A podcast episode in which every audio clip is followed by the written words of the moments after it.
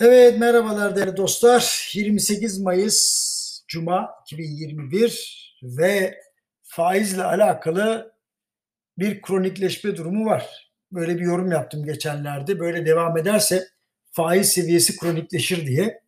Şimdi rezervler ile kur yükselişlerinin, kur yükselişleriyle enflasyonun, enflasyonun da faiz ile birebir ilişkisi var. Ha ayrıca iç ve dış siyasetin de kurlar üzerindeki etkisini eklemem lazım. Hal böyleyken faizlerin düşmesi kısa vadede imkan dahilinde gözükmüyor. Mesela kamu bankaları dahil olmak üzere birçok büyük banka kredilerde bir yıl vadeli fiyat vermediği gibi bazı büyük özel bankalar da oldukça yüksek faiz vererek kredi talep edenlere adeta arkadaş bu maliyete katlanacaksan buyur al gibi bir mesaj veriyor. Çünkü herkes faizlerin yükselmesini bekliyor. Anlaşılan likidite imkanları giderek azalırken bankalar ve finans kuruluşları seçici olmanın ötesinde bir hassasiyete sahip oldular.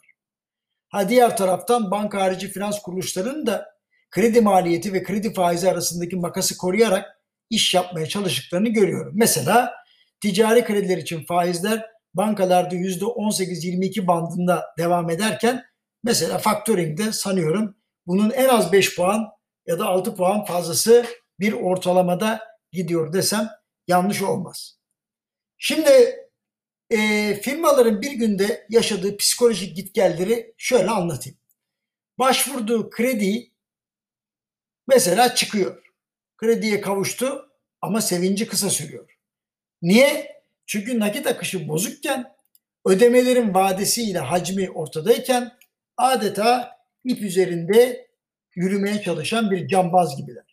Ha daha önce birçok kez kolayca bazen de ucuz atlattıkları düşme tehlikesini tekrar tekrar yaşıyorlar. Ama yürümeye devam etmezlerse düşecekler. Ancak bir şey hatırlatayım. Denge bozulmuşsa her zaman öne doğru adım atarak dengeyi bulmak mümkün değil. Şimdi güçlü firmalar için de bir başka dert var. Vadesi gelen düşük faizli kredileri yeni maliyetlerle yenilemek. Elbette her seçeneğin alternatif maliyeti hesaplanacak ve ona göre karar verilecek. Merkez Bankası'nın Haziran ve Temmuz aylarında faiz düşürmeye kalkması söz konusu kredilerin daha düşük maliyette fonlanmasını yol açabilirdi.